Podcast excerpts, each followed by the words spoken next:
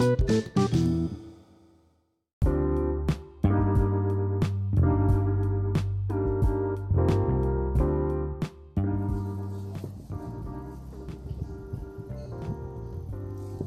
podcast pertama gue kenalin nama gue Ricky. Jadi gue mau cerita pendek aja sih.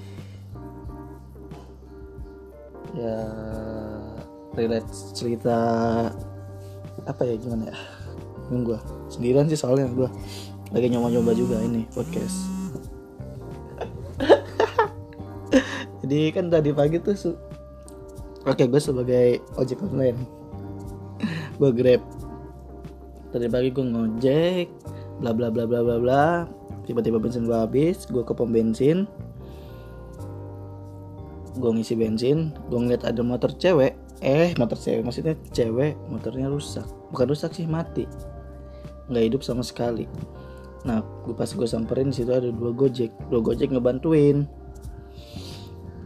Nah tiba-tiba gue datang dan satu gojek bilang nah ini mbak tuh tuh eh, abang grabnya biasa pakai pakai motor Vino. Kebetulan cewek itu motornya Vino. Ya ya udahlah gue bantuin ya beda lah kan Vino gue masih karbu Vino dia udah injeksi ya. Gue nggak tahu mungkin matinya di mana.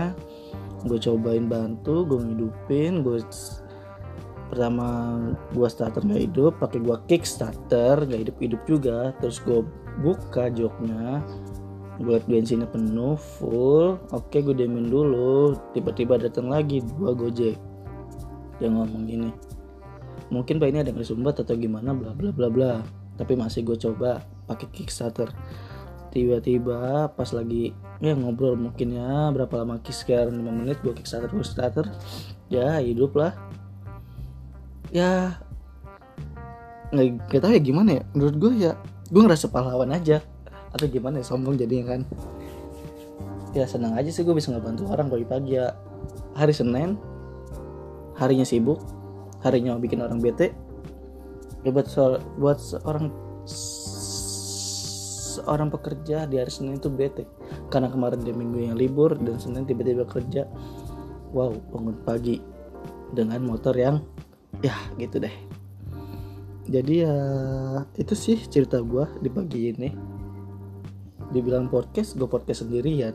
Gak ada temennya. Ya gue lagi nyoba-nyoba aja sih guys. Ya oke sekian